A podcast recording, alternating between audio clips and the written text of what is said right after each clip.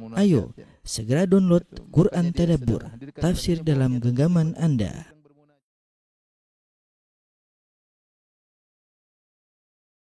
Bismillahirrahmanirrahim. Assalamualaikum warahmatullahi wabarakatuh. Alhamdulillahi ala ihsani wa syukru lahu ala taufiqi wa amtinani wa asyhadu an la ilaha illallah wahdahu la syarika lahu ta'ziman li sya'ni wa asyhadu anna Muhammadan abduhu wa rasuluhu da'ila ridwani. Allahumma salli alaihi wa ala alihi wa ashabihi wa Uh, rekan-rekan alumni ITB dan mahasiswa ITB yang dirahmati Allah Subhanahu wa taala. Kita melanjutkan bahasan kita. Insyaallah pada kesempatan kali kita akan bahas dua bab secara singkat yaitu bab tentang berdakwah di jalan Allah Subhanahu wa taala, mendakwakan tauhid dan yang berikutnya adalah bab tentang uh, tafsir tauhid ya, bab tentang tafsir tauhid. Sebagaimana kita sudah bahas pada sebelumnya, bab-bab sebelumnya tentang keutamaan tauhid dan juga tentang bahaya uh, syirik sehingga seorang sudah tertarik untuk berjuang untuk bertauhid dan menghindarkan diri daripada kesyirikan maka di antara penyempurna dari itu semua adalah dengan mendakwahkan tauhid tersebut. Seorang jangan uh, hanya membatasi tauhid pada dirinya tapi dia berusaha menularkan kebahagiaan yang dia rasakan kepada orang lain ya. Dan ini diisyaratkan oleh firman Allah Subhanahu wa taala wal asri innal insana lafi khusr illa alladziina amanu wa amilus solihat wa tawassaw bil haqq wa tawassaw bis sabr.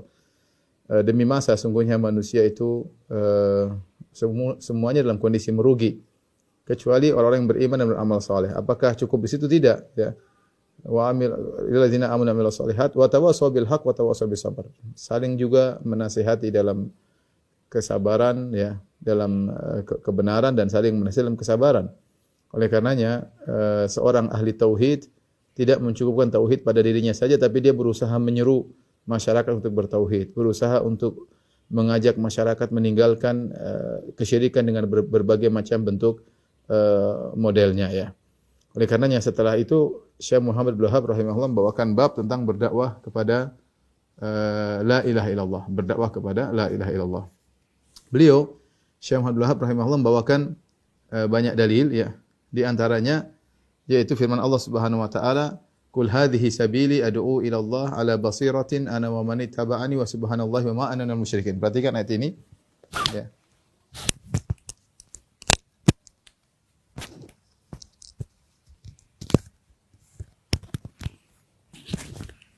Kata Allah Subhanahu wa taala, "Qul hadhihi sabili ad'u Allah ala basiratin. Ana wa man ittaba'ani. Wa subhanallah. Wa ma ana minal ini di akhir-akhir surat uh, Yusuf. Ya katakanlah katakanlah wahai Muhammad ya. Wahai Muhammad Hadhihi sabil, inilah jalanku, inilah jalanku. Aku menyeru kepada Allah. Aku menyeru kepada Allah. Kalau kita buka tafsir At-Tabari, dia menafsirkan aku menyeru kepada Allah maksudnya tauhid. Aku menyeru kepada tauhid. Ala basiratin di atas ilmu. Ana wa taba'ani. Aku dan orang-orang yang mengikutiku. Aku dan orang-orang pengikutku. Subhanallah wa ana minal musyrikin. Maksudnya Allah aku bukan termasuk orang-orang yang musyrik. Uh, di sini Nabi SAW diperintahkan untuk menjelaskan tentang jalan Nabi SAW. Ini adalah jalanku, ya, jalan uh, dakwahku. Aku menyeru kepada Allah itu menyeru kepada tauhid, ya. Jadi uh, uh, dari sisi uh, dua, dua, dua hal yang harus diperhatikan, dua hal. Pertama, uh, menyeru kepada tauhid, mentauhidkan Allah. Jadi kata At-Tabari, ad'u ila Allah maksudnya aku menyeru kepada mentauhidkan Allah, yaitu ad'u ila tauhidillah. Ini ad'u ila tauhidillah. Ya. Jadi intisari dakwahku adalah menyeru kepada tauhid kepada Allah Subhanahu wa taala. Perkara yang kedua, uh, aku uh, ikhlas tidak menyeru kepada selain Allah. Di sini ada faedah yang agung yang disampaikan oleh Syekh Muhammad bin Wahab taala ketika mengomentari ayat ini berkata li'annahu li'anna katsiran wa in kana yad'u ila al-haq wa huwa yad'u ila nafsihi. Kenapa di sana banyak orang meskipun dia menyeru kepada kebenaran tapi dia menyeru kepada dirinya sendiri. Maka ini ada isyarat agar seorang ikhlas ketika dia menyeru dia menyeru kepada Allah, ingat, menyeru kepada Allah. Ini intinya kepada Allah. Bukan kepada bukan kepada yayasan, ya. Ingat ya, ya, bukan kepada kepada yayasan, bukan kepada ormas, ya, bukan kepada golongan, ya. bukan kepada alumni ya. Dan lain-lain ya. Ini semua, ini semua uh, yayasan, ormas, golongan, alumni, pondok ya. Semuanya ini hanyalah sarana bukan tujuan dan bukan tujuan. Kapan ternyata hal-hal ini menjadi tujuan, uh, maka subhanallah itu berarti kita tidak menyeru kepada tauhid. Yang lebih parah lagi, bukan kepada diri sendiri. Ya, ada orang dia tidak menyeru kepada yayasan, tidak kepada ormas, tidak kepada golongan, tidak kepada alumni, tidak kepada pondok, tidak kepada apa. Dia menyeru pada dirinya sendiri. Harus orang ikut dia. Harus orang ikut dia, harus mengumumkan dia, yang menyelisih dia berarti dianggap menyimpang dan ini yang lebih bahaya lagi. Ya, kalau ada orang yang ngaji rame, yang lain dia tidak suka, dia maunya semua orang ngaji sama dia.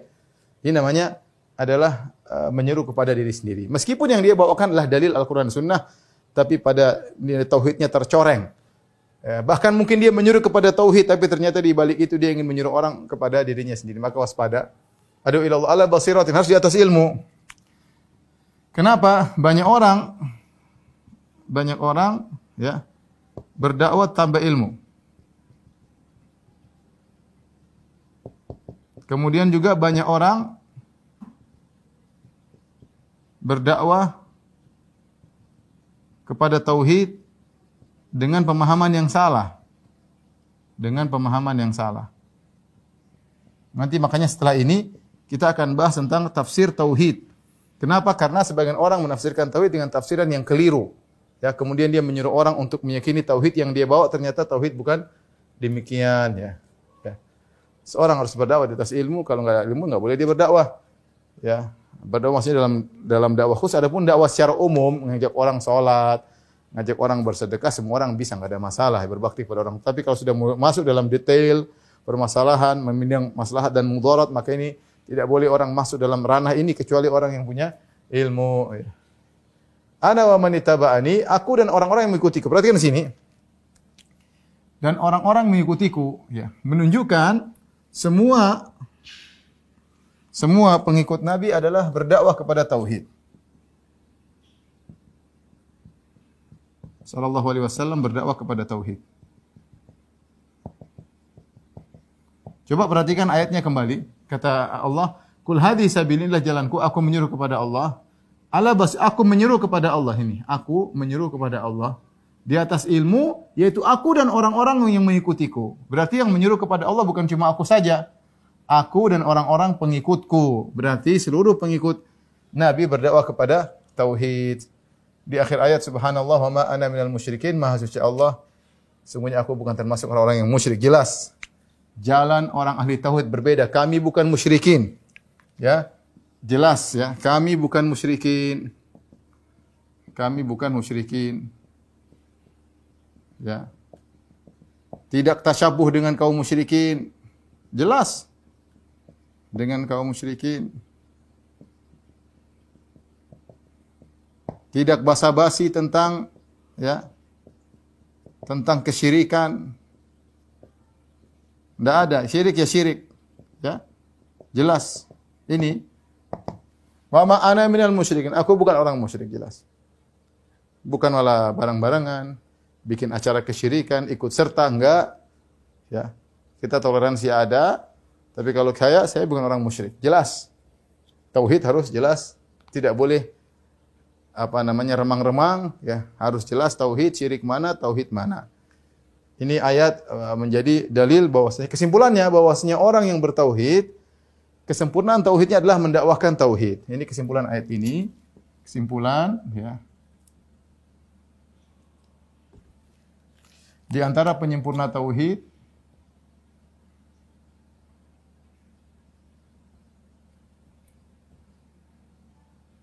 adalah berdakwah kepada tauhid.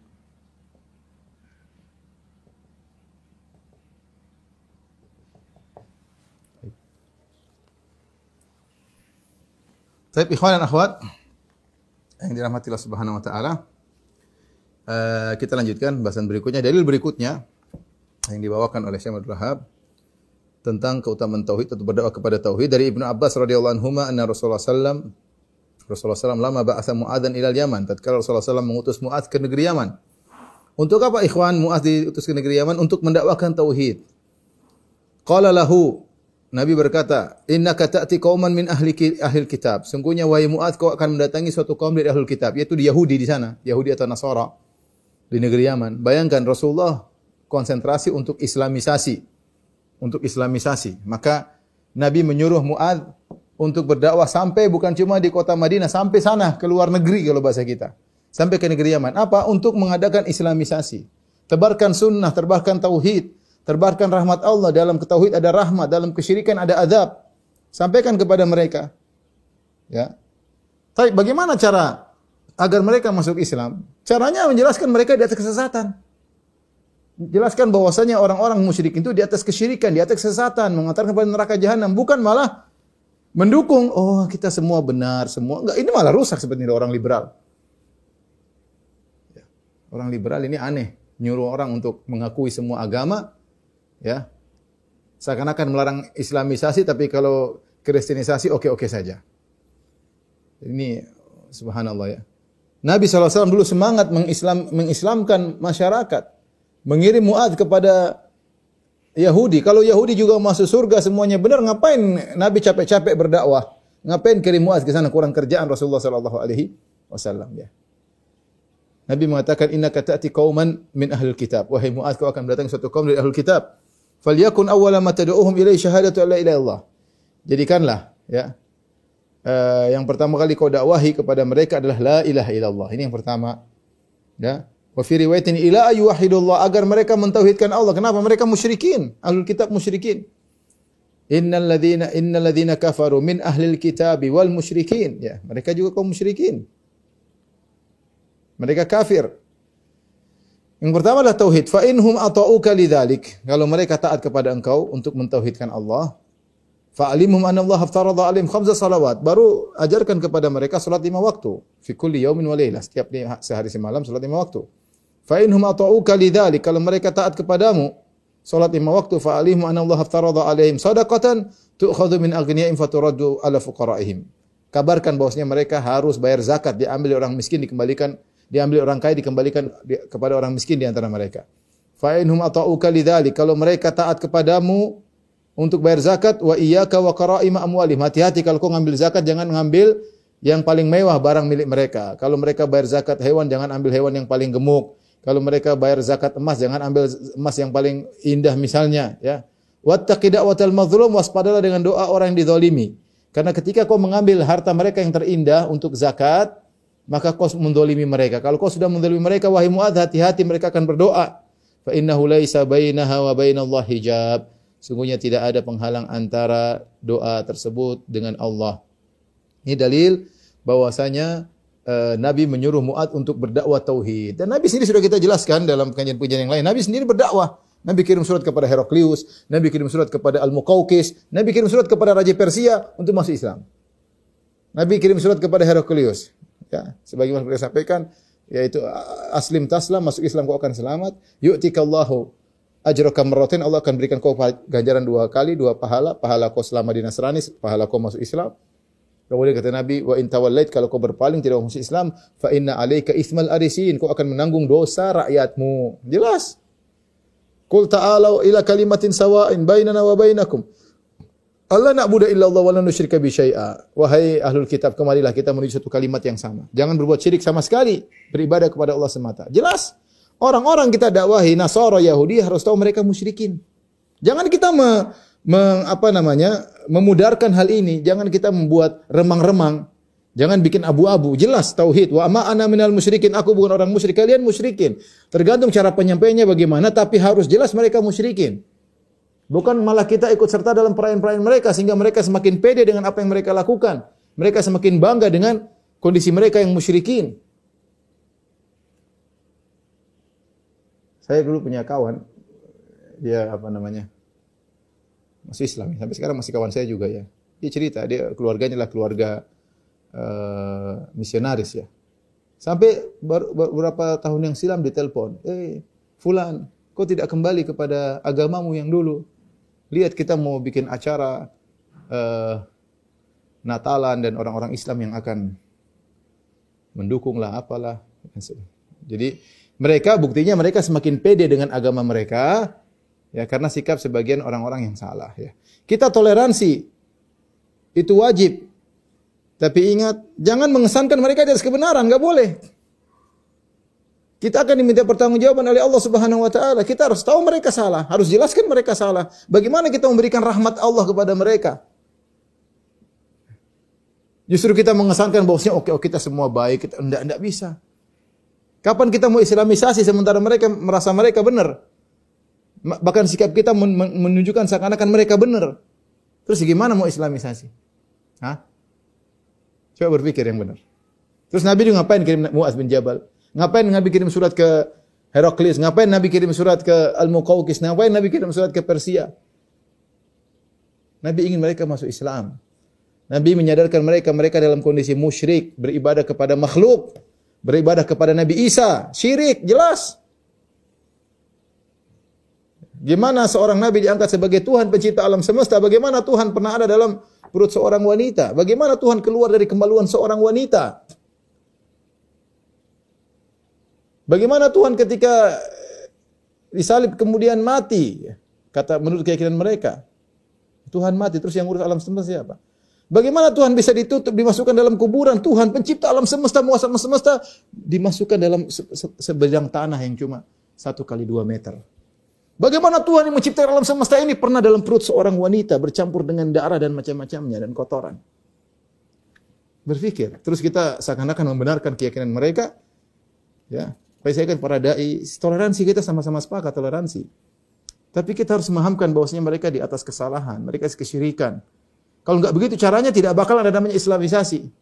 Kita manhaj manhaj manhaj Nabi. Nabi gimana cara dakwahnya tadi? Kul hadhi sabili adu ila Allah ala basiratin ana wa tabi'ani Wa ma ana subhanallah, maha suci Allah, wa ma ana minal musyrikin. Aku bukan termasuk orang musyrik. Itulah berarti kita menyerukan kepada tauhid. Bukan uh, hanya sekedar yang penting kita hidup damai. Kita damai, kita senang.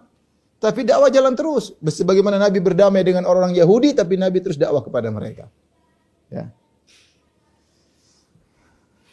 Makanya yang paling parah orang-orang liberal yang mengesankan bahwasanya agama-agama kesyirikan juga benar. Bahkan bukan mengesankan, membenarkan.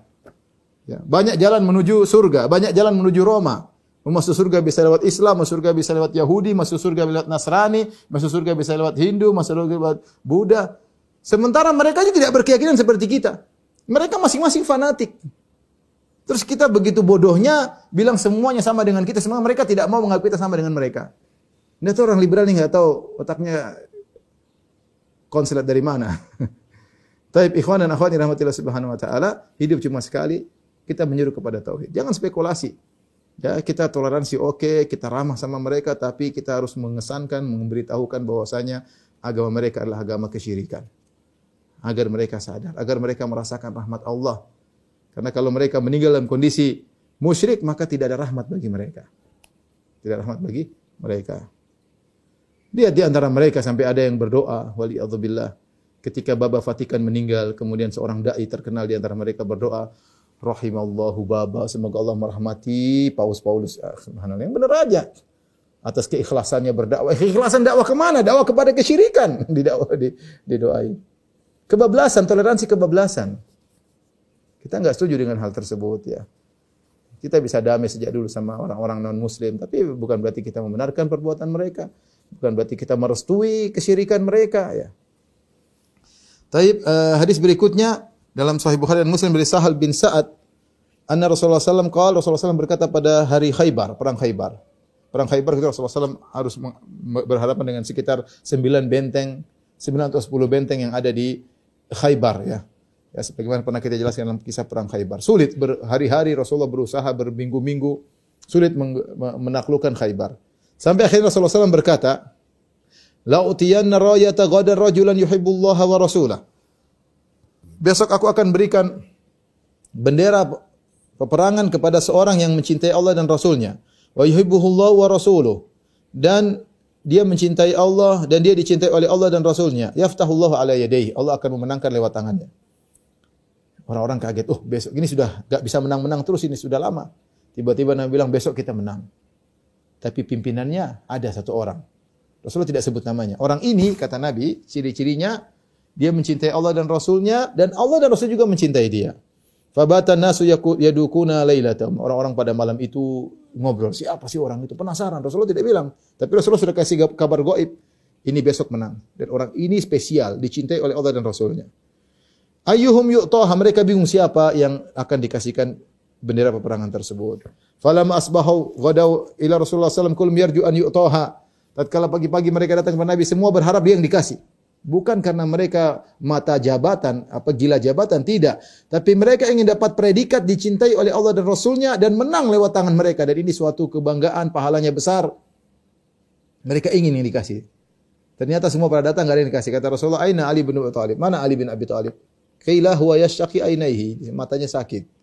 Farsalu ilaihi fa utiya Sudah enggak bisa dipompong, dipapah jalan enggak bisa ngelihat.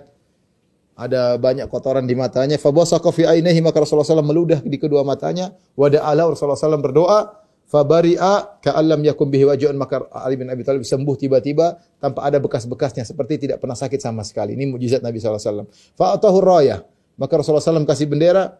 Kemudian kata Rasulullah SAW, unfuz ala rislik, yaitu tenang dalam perjalanan. Hatta tanzila bisa hati sampai kau berada di pelataran mereka, di pelataran benteng mereka. Sumaduhum ilal Islam. Kemudian seru mereka untuk masuk Islam. Wa akhbirhum bima ya- ya- yajibu alaihim min haqqillahi ta'ala. Lihat pertama kali suruh masuk Islam. Kemudian kabarkan kepada mereka tentang apa yang wajib hak Allah yang harus mereka tunaikan.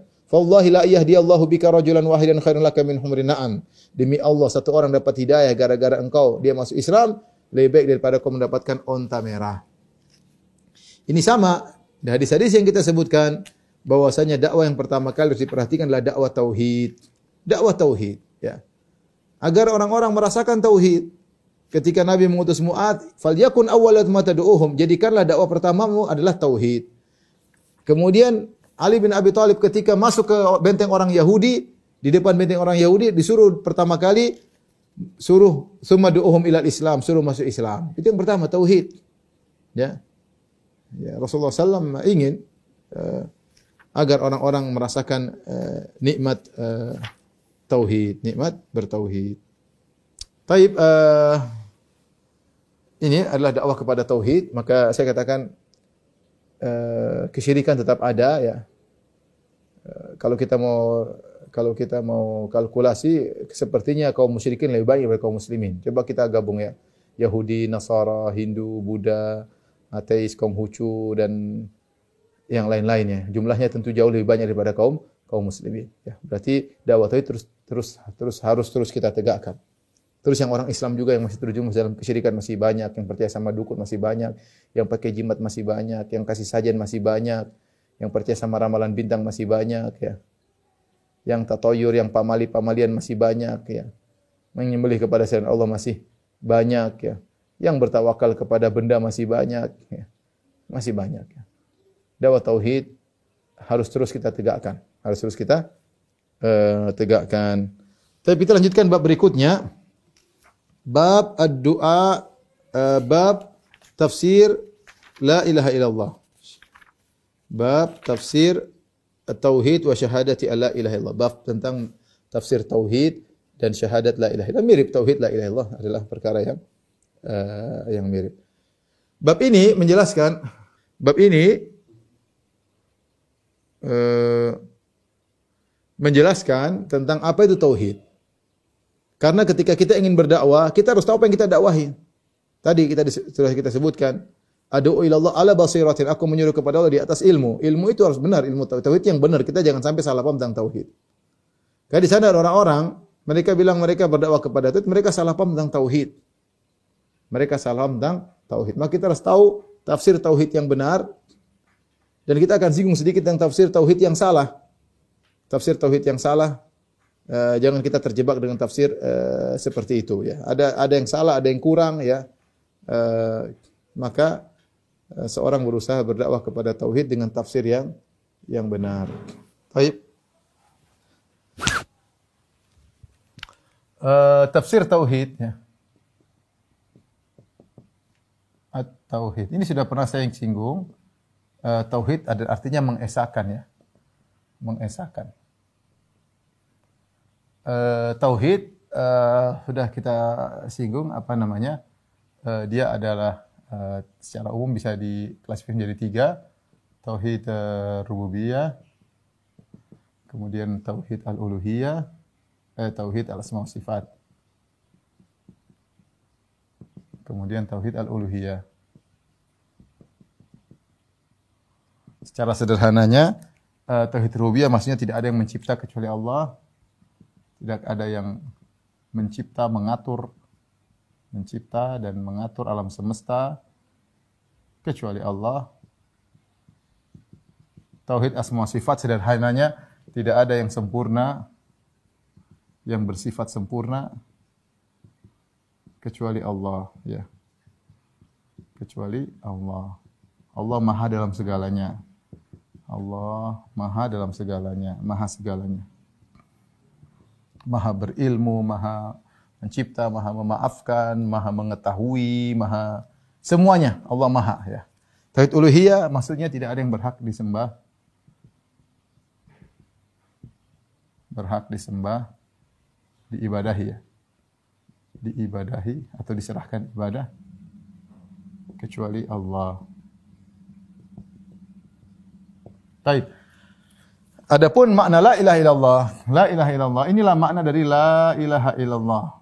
La ilaha illallah. Tidak ada ilah secara bahasa, ilah artinya uh, yang diibadahi, artinya ma'bud. Ma'bud yang diibadahi. Jadi kalau kita artikan la ilaha la ma'buda illallah, artinya la ma'buda illallah. Tidak ada sesembahan yang berhak disembah kecuali Allah.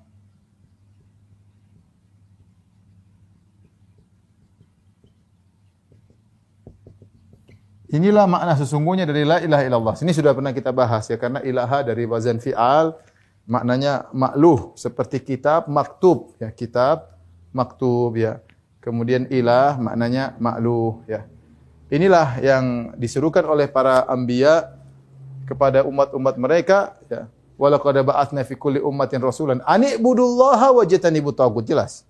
Sungguh kami telah mengutus kepada setiap umat seorang rasul yang mengatakan ubudullaha sembahlah Allah saja wajtanibut tagut dan jauhilah tagut jauhilah sembahan selain Allah. Itulah makna inti daripada la ilaha illallah, tidak ada yang berhak disembah kecuali Allah Subhanahu wa taala, ya. Adapun tauhid asma wa sifat tauhid rububiyah adalah pelengkap karena kalau orang mengakui, perhatikan. Jadi semuanya akan menuju kepada tauhid uluhiyah. Ya. Kalau kita mengakui bahwasanya hanya Allah yang mencipta dan mengatur alam semesta karena Allah yang maha sempurna, maka dialah yang berhak disembah, sudah jelas. Jelas. Jadi tauhid uh, semua sifat dan rububiyah mengkonsekuensikan tauhid al-uluhiyah ya. Tauhid. Asma sifat dan tauhid rububiyah ini sangat logis ya, mengkonsekuensikan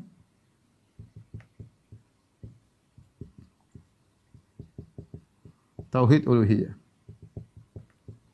Ini istilah saja, yang penting kita paham. Artinya apa? Kalau Anda mengakui yang menciptakan alam semesta hanya Allah, kalau Anda mengakui yang mengatur alam semesta hanya Allah, kalau Anda mengakui yang bilang kun fayakun hanya Allah Subhanahu wa taala.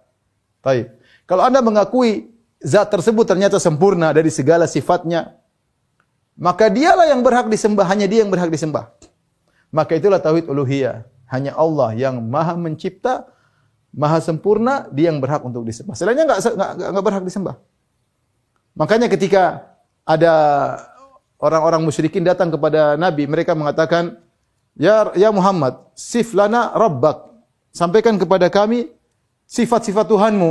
Maka turunlah firman Allah, "Qul huwallahu ahad, Allahu samad, lam yalid wa lam yakul lahu kufuwan ahad." Katakanlah dialah Allah, "Qul huwallahu ahad." Dialah Allah yang yang berhak disembah, yang ahad, sendiri tidak ada yang seperti dia. Allahu samad, yang dia tidak membutuhkan kepada apa pun dan semuanya butuh kepada dia. Lam yalid wa lam yulad, tidak melahirkan, tidak dilahirkan. Ya karena kalau dia melahirkan berarti ada yang mirip seperti dia. Kalau dilahirkan berarti dulunya dia tidak ada, kemudian ada. Walam yakul lahu kufuwan ahad dan tidak ada yang serupa dengan dia. Itulah syarat Tuhan yang berhak disembah. Dan syarat itu tidak dipenuhi oleh sembahan yang lain. Siapa nyembah Nabi Isa coba? Nabi Isa dimasukkan. Apakah ada yang sama seperti Nabi Isa? Ada Nabi Adam, lebih hebat lagi tidak pakai ayah, tidak pakai ibu. Ya. Nabi seperti dia banyak yang makan, yang minum, yang jalan, yang banyak sekali yang seperti Nabi Isa alaihissalam tidak berhak untuk di, disembah. Jadi inilah kalau ditanya apa itu tafsir tauhid yang sungguhnya adalah tauhid al-uluhiyah. Inilah uh, inilah uh, intisari dakwah para nabi.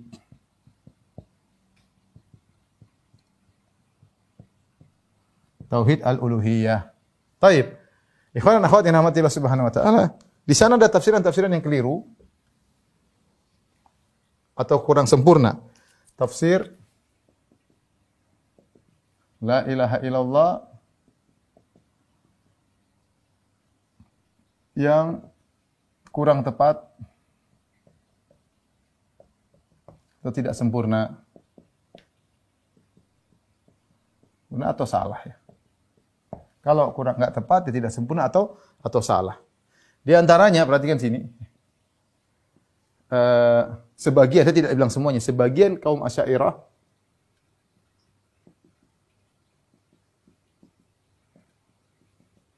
menafsirkan La ilaha illallah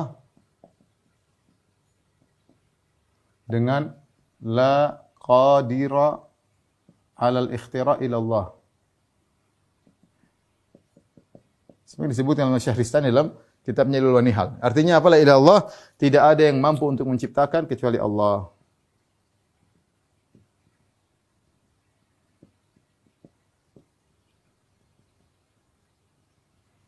Melainkan Allah. Perhatikan di sini, ternyata tafsir mereka ini cenderungnya kepada apa? Kepada tauhid rububiyah tauhid rububiyah.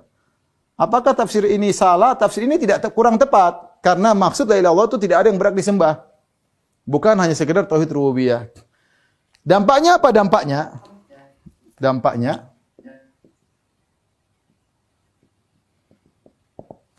selama tidak selama tidak meyakini adanya pencipta selain Allah,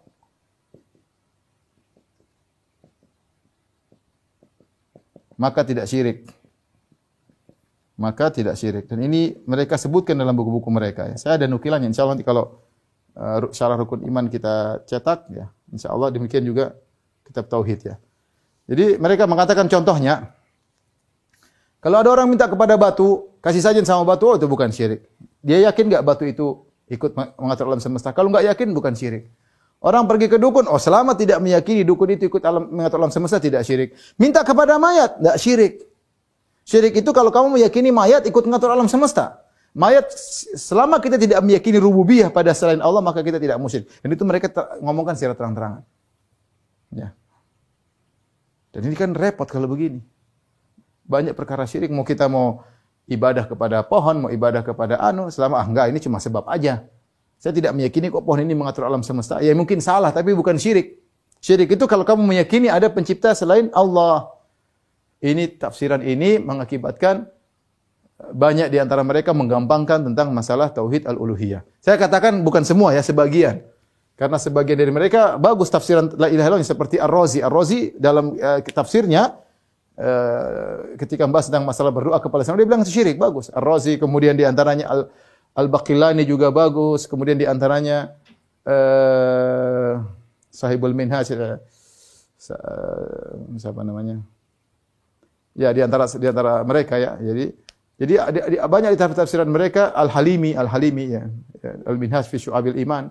Tafsirannya dan saya nukil tafsiran mereka. Jadi tidak semua tapi sebagian kaum Asy'ariyah menafsirkan la ilaha dengan la qadir al-ikhtira ila Allah dan ini yang masyhur belakangan sama dai-dai sekarang. Ketika saya pernah berdebat dengan salah seorang dai, dia mengatakan tidak apa-apa. Syirik itu kalau kita minta kepada mayat, meyakini mayat, ikut atur alam semesta baru syirik. Taib. Nanti kita akan bahas bagaimana. Taib kita bantahlah sekarang.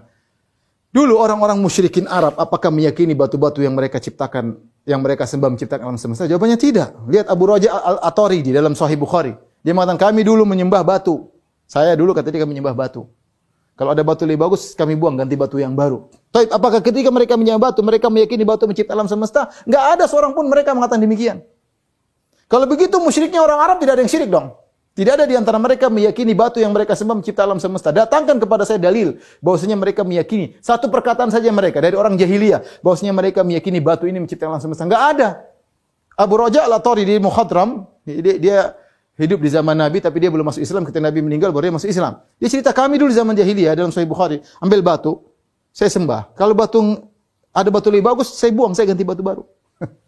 Tapi batu yang dia buang, dia meyakini menciptakan semesta, kurang ajar. Kalau enggak, dia enggak, dia cuma ini sebagai wasilah saja. Nanti kalau enggak ada batu, kita enggak dapat batu bagus, saya tumpukan tanah, kemudian saya ambil kambing, saya perah, sehingga tumpukan tanah tersebut jadi keras, baru saya ibadah, saya tawafin. Ya. Lihat Nabi Ibrahim alaihissalam, ketika Nabi Ibrahim menghancurkan patung-patung, apa kata kaumnya? A anta fa'alta biha biha a anta fa'alta hadha bi alihatina ya Ibrahim? Wahai Ibrahim, kau yang hancurkan patung-patung kami? Kata Ibrahim, bal fa'alahu kabiruhum hadha fas'aluhum in kanu yantiqun. Yang ngasih hancur patung-patung ini yang paling gede. Patung paling gede. Kalau enggak percaya tanya patung-patung kecil. Mereka diam bingung. Ya. Faraja ila anfusihim. Mereka bingung ya, ya mereka tahu bahwasanya patung-patung ini enggak bisa ngomong. Apa kata mereka? Laqad alimta ma haula'i yantiqun. Bayangkan. Mereka bilang, ya Ibrahim, kau kan sudah tahu patung-patung enggak bisa ngomong. Itu yang Ibrahim inginkan. Mereka ngaku bahwasanya patung mereka sembah enggak bisa ngomong. Maka Nabi Ibrahim mengatakan, "Kul afata'buduna min dunillahi ma la yanfa'ukum syai'an wa la yadhurrukum? Ufil lakum wa lima ta'buduna min dunillah." Katakan, apakah kalian beribadah kepada patung-patung yang tidak bisa beri mudarat kepada kalian, tidak bisa beri manfaat kepada kalian, tidak bisa ngomong sama kalian. Taib. Berarti menunjukkan para penyembah patung-patung di zaman Nabi Ibrahim tidak meyakini patung-patung ini menciptakan alam semesta. Tapi mereka musyrik atau bukan? Kalau kita pakai definisi ini berarti mereka bukan musyrik karena menurut mereka yang namanya musyrik itu kalau meyakini ada pencipta selain Allah. Wah, repot kalau begitu. Sehingga banyak kesyirikan yang bukan syirik. Makanya sebagian mereka gara-gara tafsiran seperti ini menggampangkan masalah jimat kayak apa kayak gak ada masalah. Selama Anda tidak meyakini ada pencipta selain Allah. Itulah berbahaya. Ini contoh tafsir yang uh, yang salah ya. Contoh lagi misalnya, tafsirnya Mu'tazilah.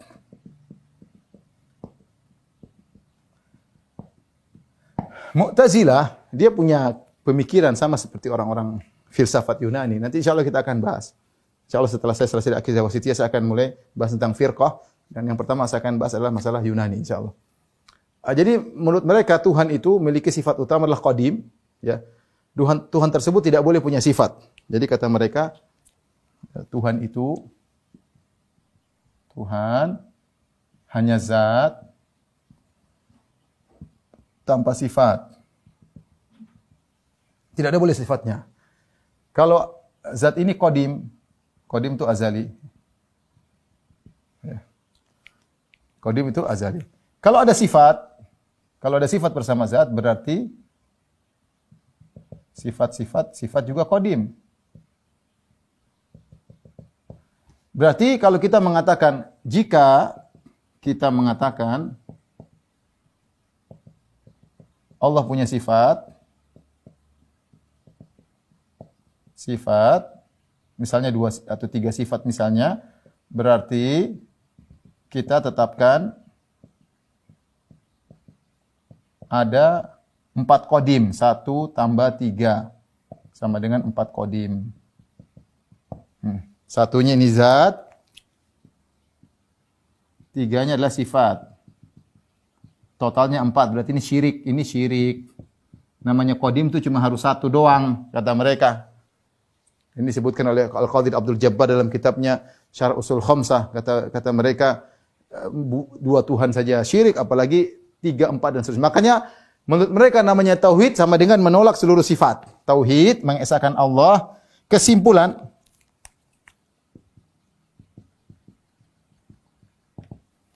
tauhid sama dengan menolak seluruh sifat.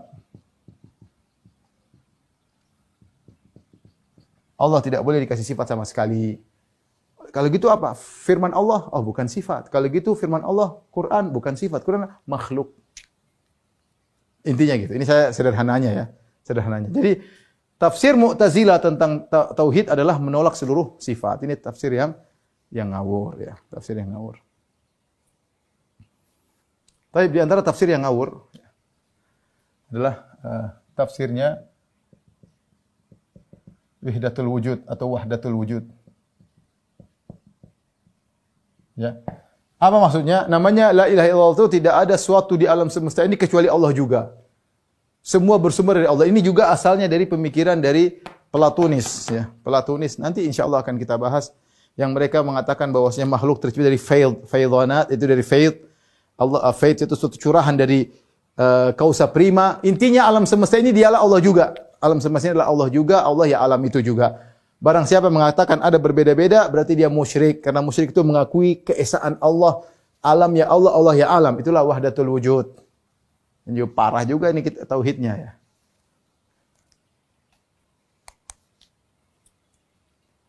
Tapi di antara tafsir yang keliru,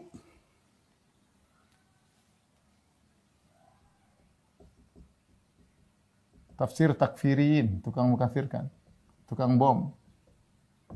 Mereka mengatakan la hukma illallah. Ya. Tidak ada hukum kecuali hukum Allah Subhanahu wa taala. Ini kalimat hak benar, kita harus berhukum dengan hukum Allah, tapi kalau dijadikan sebagai pusat bahwasanya barang siapa tidak berhukum dengan Allah maka kafir sehingga pemerintah semuanya kafir, semua MPR kafir, semua DPR kafir yang ragu tentang kafiran mereka juga kafir. Wah, ini namanya kafir model MLM. Akibat ini timbullah pengkafiran model MLM. Ini bahasanya sudah kita bahas atau nanti akan kita bahas dalam kitab tauhid. Bukan begitu sederhana yang seperti yang mereka gambarkan, ya. Jadi ini contoh ikhwan dan akhwat yang subhanahu tafsiran-tafsiran yang uh, tidak sesuai ya. Yang benar adalah tauhid, tauhid adalah la ilaha illallah tidak ada yang berhak disembah kecuali Allah sudah kita jelaskan. Siapa yang menyembah kepada selain Allah maka dia terjerumus dalam kesyirikan. Wallahu alam bisawab. Kita lihat uh, dalil-dalil yang disebutkan oleh Syekh Abdul sini.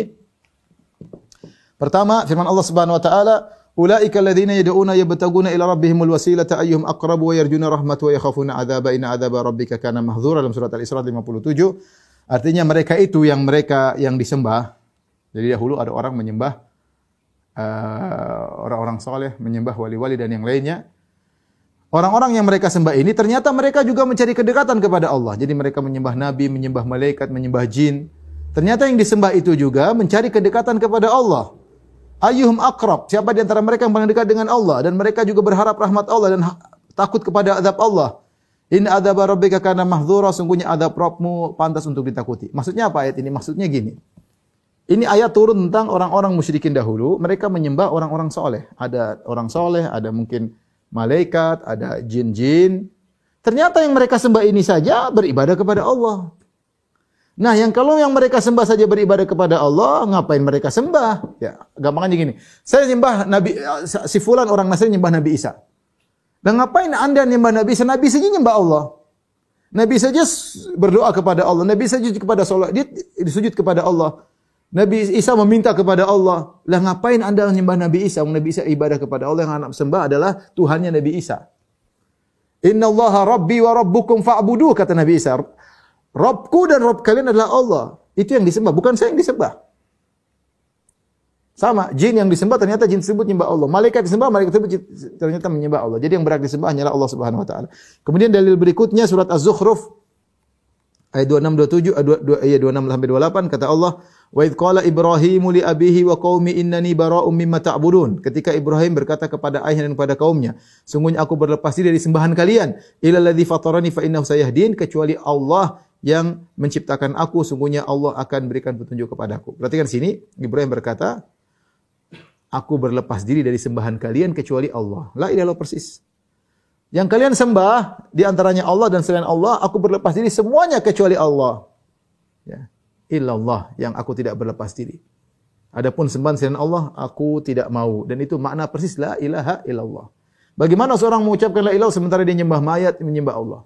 Bagaimana seorang mengucapkan la ilaha illallah sementara dia memotong hewan kepada jin dan juga uh, beribadah kepada Allah. Itu namanya musyrik.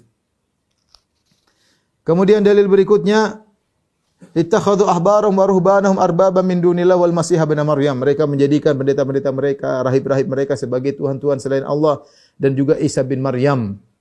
Di sini juga kesyirikan. Mereka tidak menganggap pendeta-pendeta mereka pencipta alam semesta. Enggak. Mereka tidak menganggap ahli ibadah mereka menciptakan mengatur alam semesta tidak. Tapi kenapa mereka dikatakan telah menjadikan pendeta dan rahib sebagai tuhan-tuhan selain Allah? Karena mereka taat kapan pendeta-pendeta tersebut merubah hukum mereka ikuti. Ya. Alaysa qad halal haraman fatuhallilunahu? Ya, bukankah halalu haraman fatuhallunahu? Bukankah kalau mereka telah para pendeta, para rahib mengharam menghalalkan yang haram kalian ikut menghalalkan? Kata Adi bin Hatim, iya kami dulu begitu. Kata Nabi, fatilka ibadatum itulah bentuk beribadah kepada mereka. Bukan bentuk beribadah, bukan syirik menganggap mereka sebagai Tuhan, pengatur alam semesta tidak. Ini tafsiran yang tidak pas. Kemudian wal Masih bin Maryam. Demikian mereka menjadi Al-Masih bin Maryam. Apakah mereka ini masih Al-Masih bin Maryam mencipta alam semesta? Tidak. Al-Masih bin Maryam dianggap sebagai anak Tuhan lah, apalah. Diibadahi bersama Allah Subhanahu wa taala. Taib. Ayat berikutnya wa minan nasi min dunillahi dan yuhibbunahum. Perhatikan. Di antara manusia ada yang menjadikan selain Allah sebagai tandingan-tandingan selain Allah, mereka mencintai tandingan-tandingan tersebut sebagaimana mereka mencintai Allah. Lihat di sini mereka berbuat syirik dalam mahabbah. Mahabbah cinta mereka cinta kepada Allah, tapi mereka juga cinta kepada sembahan-sembahan mereka selain Allah. Walladzina amanu asyaddu hubban lillah. Adapun orang beriman, mereka lebih cinta kepada Allah karena cinta mereka fokus kepada Allah. Orang musyrikin tidak. Cinta kepada Allah, cinta juga kepada sembahan-sembahan mereka. Ingat di sini tidak mengatakan mereka menganggap sembahan mereka menciptakan alam semesta, menganggap alam semesta enggak. Dan dalam hadis yang sahih Nabi SAW bersabda, "Man qala la ilaha illallah wa kafara bima yu'badu min dunillah." Barang saya mengucapkan la ilaha illallah dan kufur kepada sembahan selain Allah. Ini syaratnya. Wa may yakfur bit taghuti wa yu'min Harus kufur kepada tagut. Ya, jangan kita bilang oh, saya Islam. Mereka Nasara Yahudi biarin aja, masa masuk surga. Enggak boleh. Harus bilang saya Islam, saya tauhid, mereka syirik. Harus begitu. Kalau Anda ragu mereka syirik, ya berarti Anda ragu tentang Anda tauhid. Konsekuensi Anda mengatakan Anda bertauhid, mengkonsekuensikan harus mengatakan mereka musyrik. Ya, makanya Allah mengatakan, "Wa may yakfur bit tagut wa billah." Harus kufur kepada tagut, kufur kepada kesyirikan, beriman kepada Allah baru bisa la ilaha illallah. Ada penafian, ada penetapan. Tidak ada sembahan kecuali Allah, itu baru tauhid. Adapun saya sembah Allah, tapi yang lain juga sembah, yang silakan sama-sama bo boleh. Eh, ini enggak benar, tauhidnya enggak beres berarti. Enggak ada nafyu dan isbat, harus ada nafyu dulu, penafian selain Allah, menetapkan Allah. Ya. Kata Ibrahim alaihissalam, ini bura ini bara'u mimma ta'budun illa alladhi fatarani. Aku berlepas diri pada sembahan semua selain Allah kecuali Allah yang menciptakan aku. Itu penafian dan penetapan la ilaha illallah. Man qala la ilaha illallah wa kafara bima yu'badu min dunillah. Barang siapa yang mengucap la ilaha illallah dan kufur kepada sembahan selain Allah, maka haram hartanya, haram darahnya dan hisapnya kepada Allah. Tapi inilah tafsir uh, tauhid secara sederhana. Yohana khairin rahmatillah subhanahu Insyaallah mudah-mudahan buku syarah kitab tauhid dalam di tengah Maret sudah siap untuk di apa bisa di disebarkan insyaallah taala. Masih proses pengeditan uh, agak lambat ya. Demikian apa yang saya sampaikan, kurang lebih saya mohon maaf eh, kepada kawan-kawan alumni ITB dan juga mahasiswa ITB. Semoga uh, Allah mewafatkan kita di atas tauhid dan kita dijauhkan dari segala bentuk kesyirikan. Wabillahi taufiq walhidayah. Assalamualaikum warahmatullahi wabarakatuh.